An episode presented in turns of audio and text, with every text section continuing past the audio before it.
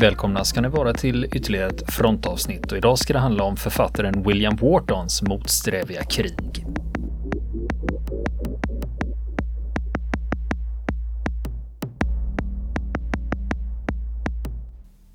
Och nu fortsätter vi prata om William Whartons upplevelser under andra världskriget.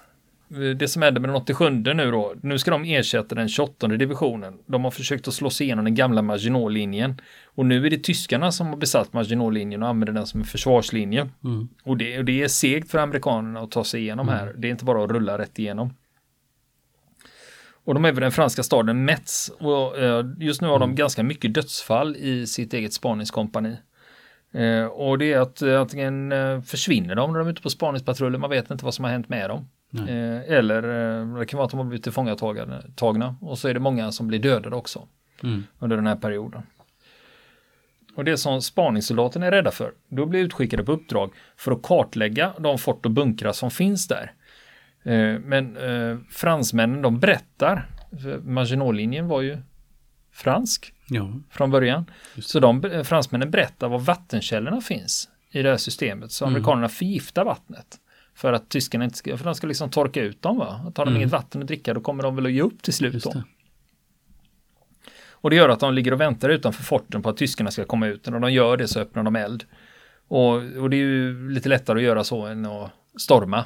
Eh, att storma fort och bunkrar, det kan ju bli väldigt kostsamt. Men bara ligga där och vänta på att de kommer ut. Och mm. när de kommer ut så skjuter de, det är som en skjutbana. Eh, och en av de här nätterna, då står Wharton vakt ute och han står och halvsover. Och plötsligt så är det någon som knackar honom på axeln. Och då är det en tysk soldat som håller upp en mugg och säger Wasser, Wasser, alltså vatten. Och den här tysken alltså smyger sig ner från fortet. Och Wharton tar sitt gevär och riktar det mot tysken och ska gå iväg med honom och ta något till fånga. Och då visar det sig att den här tysken har tre kompisar med sig.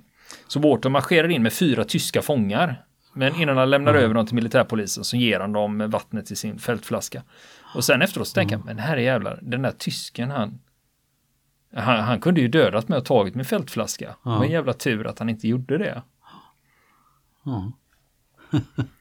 Annorlunda uppvaknande. Ja, och, och det är också det i boken här så är det då Wharton uttrycker den här rädslan för mm. att befinna sig i, i det här och det här med rädslan för att, för att gå ut på patrull. Va? Det är, eh, mm. Han är inte alls förtjust i det här. Och efter ett tag så inser Wharton att han har levt under pressen så länge det här med att skickas ut på patruller. Han säger det att skillnaden mellan att vara rädd och vara feg, det är om någon får reda på det.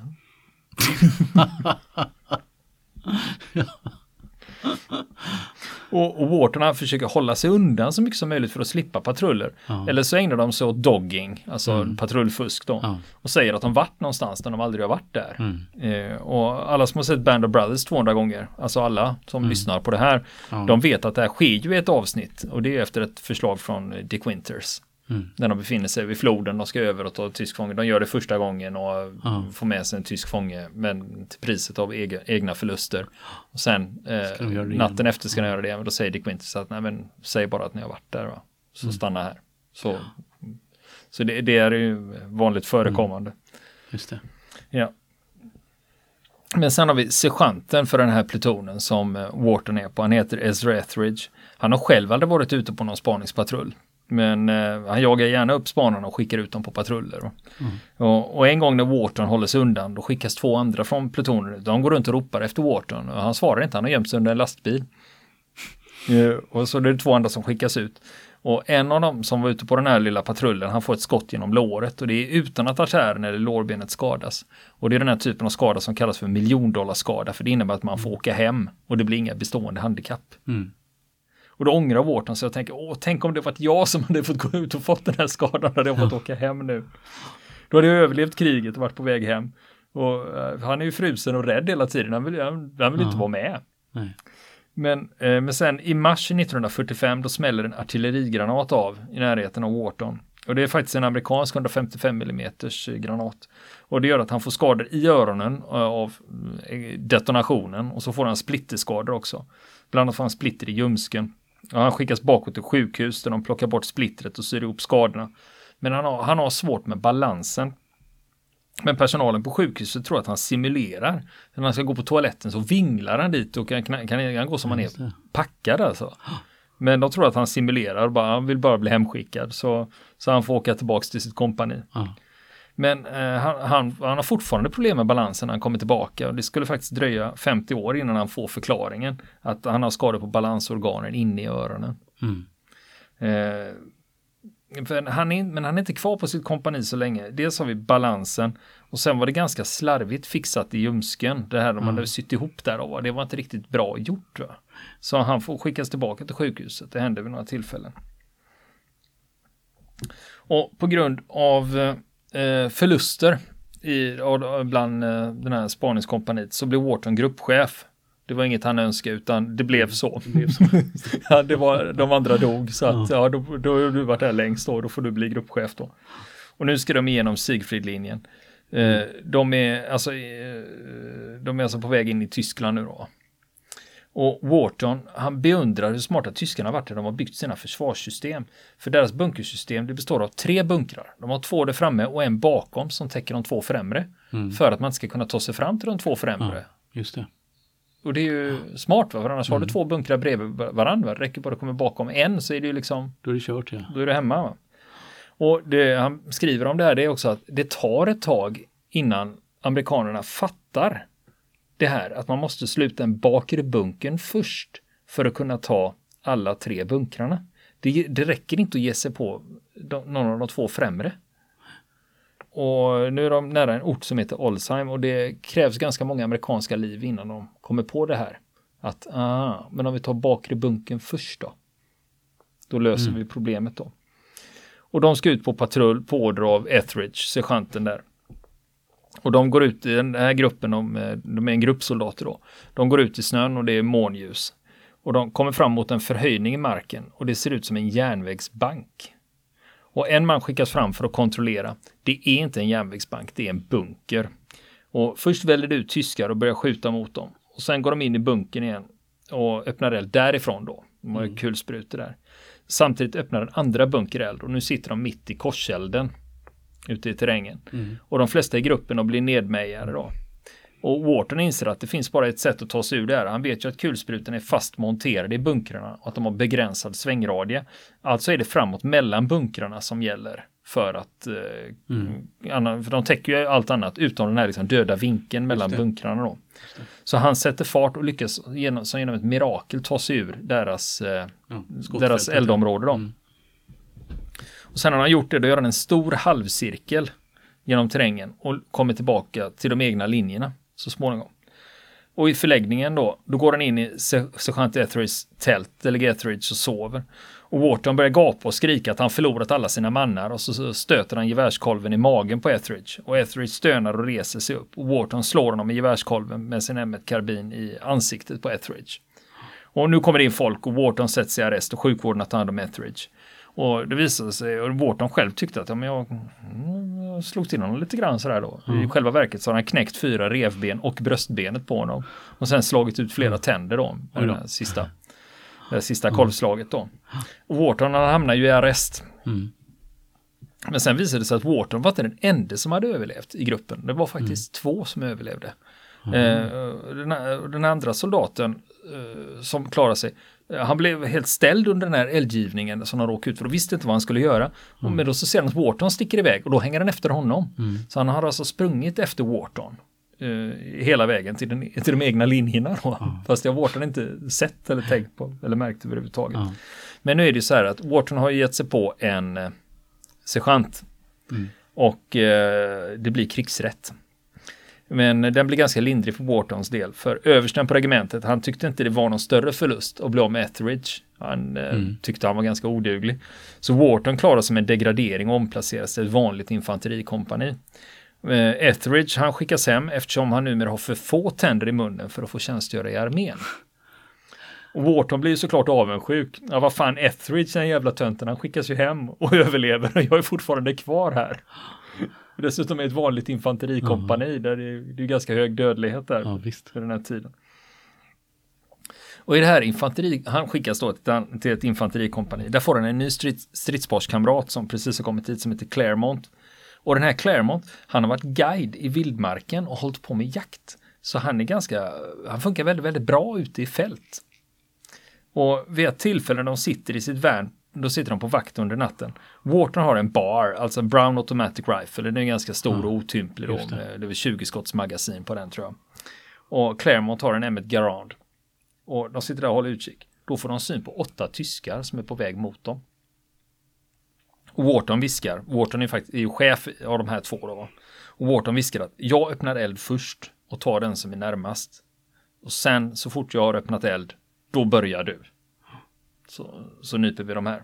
Och Wharton han får iväg ett skott och ser första tyska soldaten falla. Och sen får han eldavbrott och han försöker åtgärda det här eldavbrottet. Han försöker till och med byta magasin och liksom försöker få igång sin bar igen då.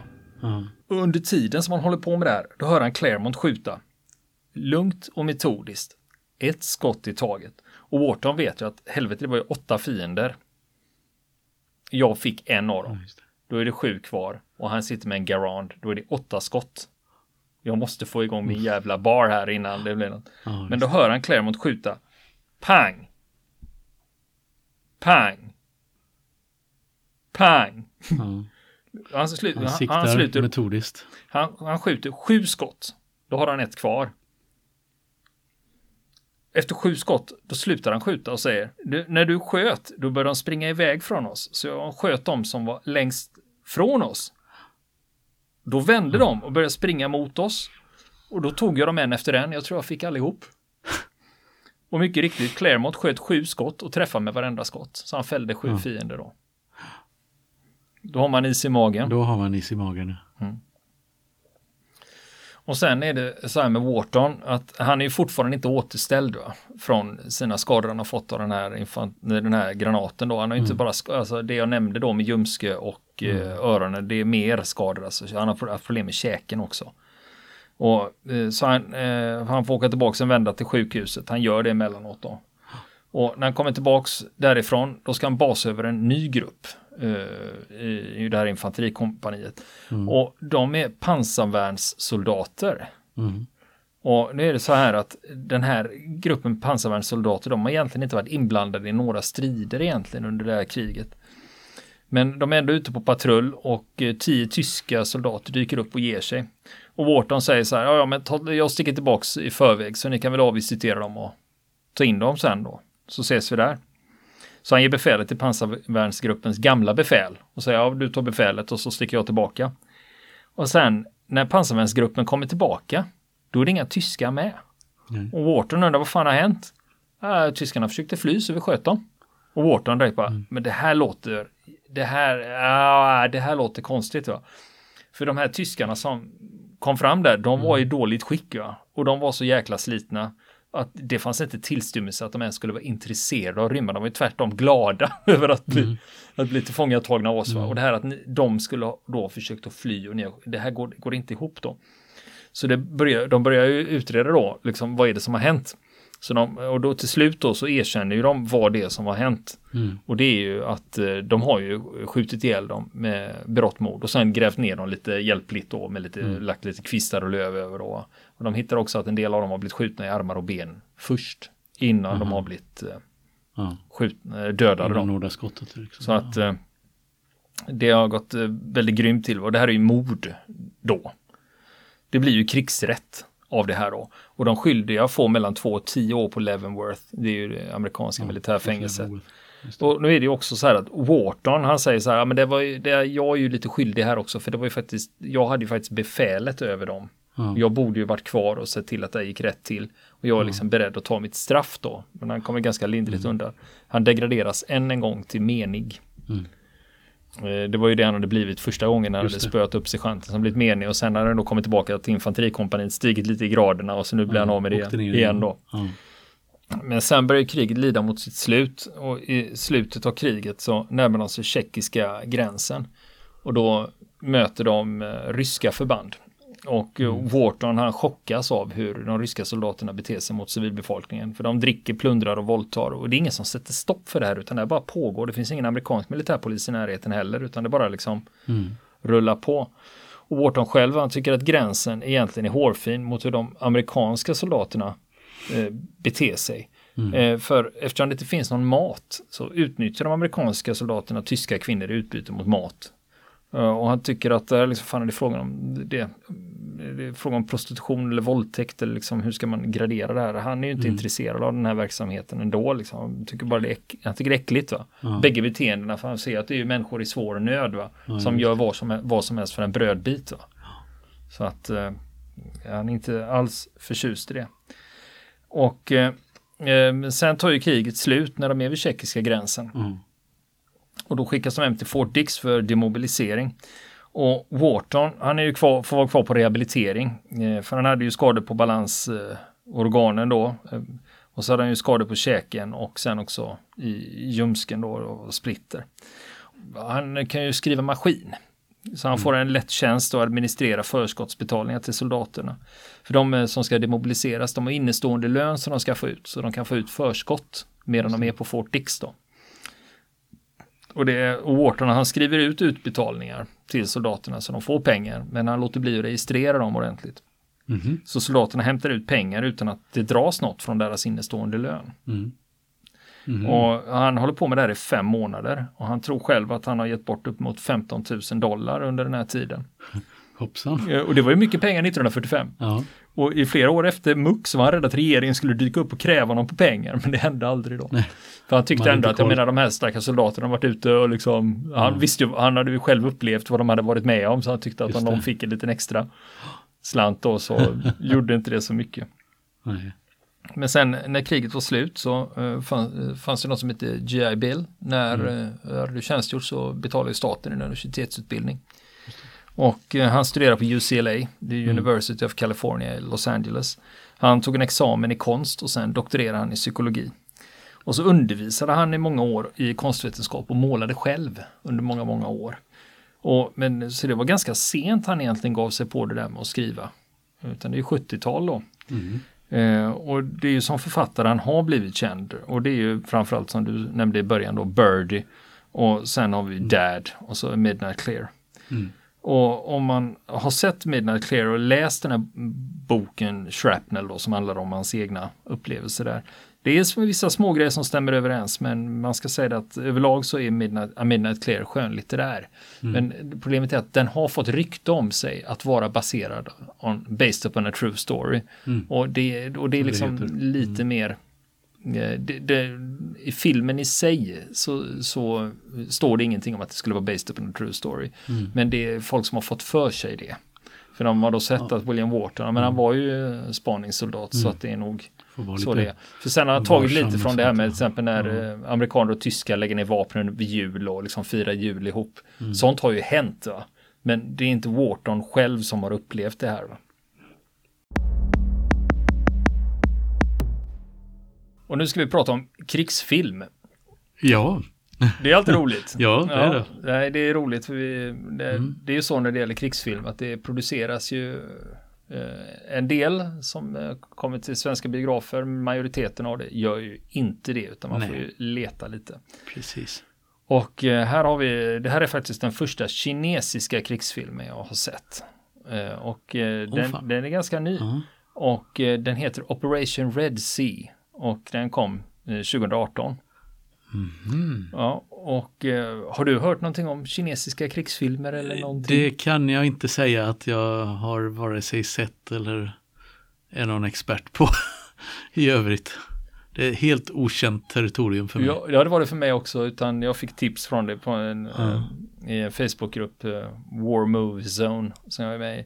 Och där var det folk som tipsade om det där, men kolla på den. Och jag tänkte, vad kinesisk krigsfilm liksom, hur, Ja, hur är det? hur är det då? Mm. Och jag ska säga, jag blev väldigt, väldigt positivt överraskad. Mm. Det är bättre än Nordkorea. Ja, jag har ju bara, jag har ju bara sett en och det var ju Order 27. Eh, det var ju en sån här, på 80-talet så gjorde ju Ja. eh, eh, Nordkorea en krigsfilm som heter Ja, Order 27 då. Har pratat Som, om lite. Vi har pratat om den tidigare och det är ju sån här, det är Ja, typ ja. Hongkong action då. Ja, jag har Och- sett den efter det, det, är det- episkt uselt. Det är fruktansvärt dålig. Och, men det var en som frågade då att eh, på Facebook var det en som var inne på våran sida, fronten, och frågade då liksom, vi skrev om Order 27 och sa det, måste man se de andra 26 Order-filmerna för att kunna förstå Order 27? Nej, det behöver man inte. Nej. Nej, vi ska, men den här eh, filmen Operation Red Sea, det är liksom, det är fullt ös i två timmar, 20 minuter. Mm. Och eh, så kan man ju då kolla liksom, man vet ju ändå om man ska lista vad som ingår i en krigsfilm, liksom, vad finns det med för olika element som man har byggt ihop den här utav. Har de pansar med? Mm. Ja, det har de. Har de strid i bebyggelse? Ja, det har de. Mm. Har de en prickskytteduell? Ja, två Jaha. stycken till och med. Så pass. Finns det elaka terrorister? Ja då. Har de wingsuit insertion? Ja, det har de. Har de en hjältemodig kinesisk specialstyrka som räddar världen? Jajamän, det har de. Finns det moderna häftiga drönare med? Ja då, det finns det. Och somaliska pirater? Jajamensan. Så att Det låter som de har fått med ganska... mm, de har fått med det mesta liksom. Ja. Det är ungefär som att man liksom, vad kan man ha i en krigsfilm? Ja, man kan ha det här. Ja, men det tar vi. Ja, så kan man ha det här också. Ja, men då tar vi det liksom. Ja. Så att det är liksom nästan så man har listat. Men det är gjort med glädje va. Mm. Att det här, och det är bra va. Det är, det är alltså otroligt påkostat. Och det trodde, jag visste inte vad jag skulle förvänta mig va. Och det är liksom, jag brukar säga att... eh, Men är det en trovärdig handling då? Ja, det är ju ungefär som, det är lustigt att den är lite halvt om halvt based upon a true story. Det finns ett litet stråk Ja. i, i det här och det var att man skulle plocka ut eh, kinesiska civilister från ett oroligt land. Jag tror det var i Oman, Oman eller Jemen eller något sånt man gjorde det. Mm. Och eh, sen har man då använt den liksom grundstoryn. Fast här är det att man ska plocka ut civilister från ett eh, krigshärjat afrikanskt land istället då. Så att den delen, ex, eh, men sen går det överstyr med terrorister och liksom hela, hela, hela grejen med terrorister som ska, eh, som ska ha ihjäl alla. Och jag brukar förklara det här genom att eh, om man tänker sig den här amerikanska actionregissören Michael Bay på steroider så börjar vi närma oss något som kan beskriva den här upplevelsen. Och den här filmen har ju kostat 70 miljoner dollar att göra. Så det är, det är liksom en rejäl, det är en rejäl film. Va? Mm. Så eh, det är snygga eldstrider och det är bra CGI. Och så lite eh, magstarka närbilder på skador. Då. Mm. Och det är lite synd, den här kom ut 2018 och den har inte fått sådär gigantiskt stor spridning nu i alla fall för oss svenskar och den finns inte på någon lättåtkomlig streamingtjänst heller. Så jag vet inte riktigt, vad- jag ska rekommendera hur man ska komma åt den här. Men om vi tar storyn, den är ganska basic då. Det är den tuffaste kinesiska specialstyrkan, best of the best of the best då. Badasses. Just det, de får uppdrag att plocka ut kinesiska civilister från ett krigshärjat afrikanskt land. Och sen blir det då ett, utifrån det så blir det då ett terroristspår lite åt al-Shabaab, al-Qaida, Isis hållet då. Som då skjuter fart på handlingen då. Och det är intressant att se en film av den här digniteten där, det, där Kina positionerar sig som en supermakt som rycker ut och räddar världen. För hittills är det USA som haft ensamrätt på Ja, det liksom. Det. Och det tycker jag är lite intressant. Att eh, kan vi se den här, eh, kan det komma mera filmer åt det här hållet? För det känns ju lite som ett eh, lite propagandanummer. när De visar hur jävla duktiga de är, hur mycket high tech det är. Det är ju satelliter och drönare och liksom teknik också.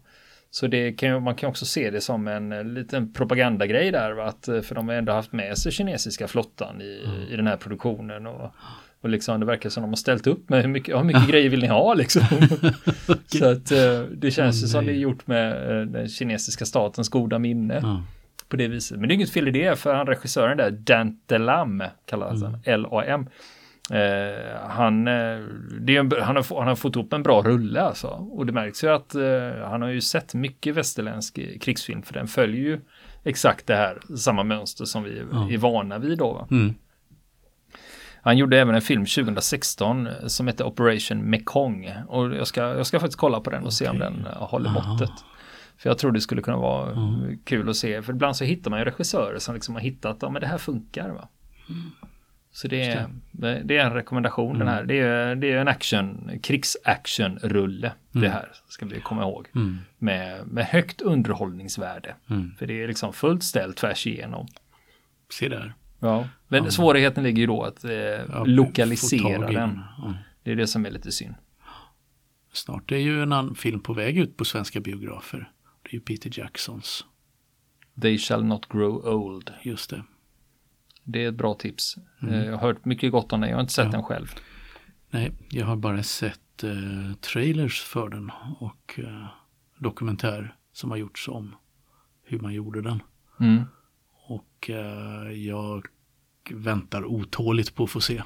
Men jag ska hålla utkik här för den lär ju rulla upp på någon, kanske inte på de stora biograferna, men det brukar alltid finnas några smalare biografer som Mm. visar sånt. Och jag har för mig de körde den också under filmfestivalen här i Göteborg i februari nu 2019. Mm. Så det är ju ett sätt att eh, hålla utkik efter den och se vad den kommer upp. Mm. Men den lär väl komma ut på någon streamingtjänst och DVD och sånt så småningom också. Ja. Det intressanta, en av de här intressanta detaljerna är att de har använt läppläsare. För att se, man ser ju att de pratar på de gamla filmerna. Men vad säger de egentligen? Så de har Det- tagit reda på det. Det var spännande. Ja. Nu blir det ju dubbla filmtips här. Ja, precis.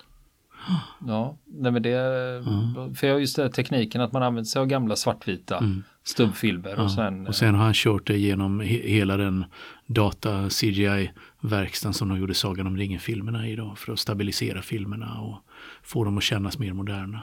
mm. Jo, de få klippen jag har sett, det är ju inte många sekunder men det, det ser imponerande ut. Ja, ja.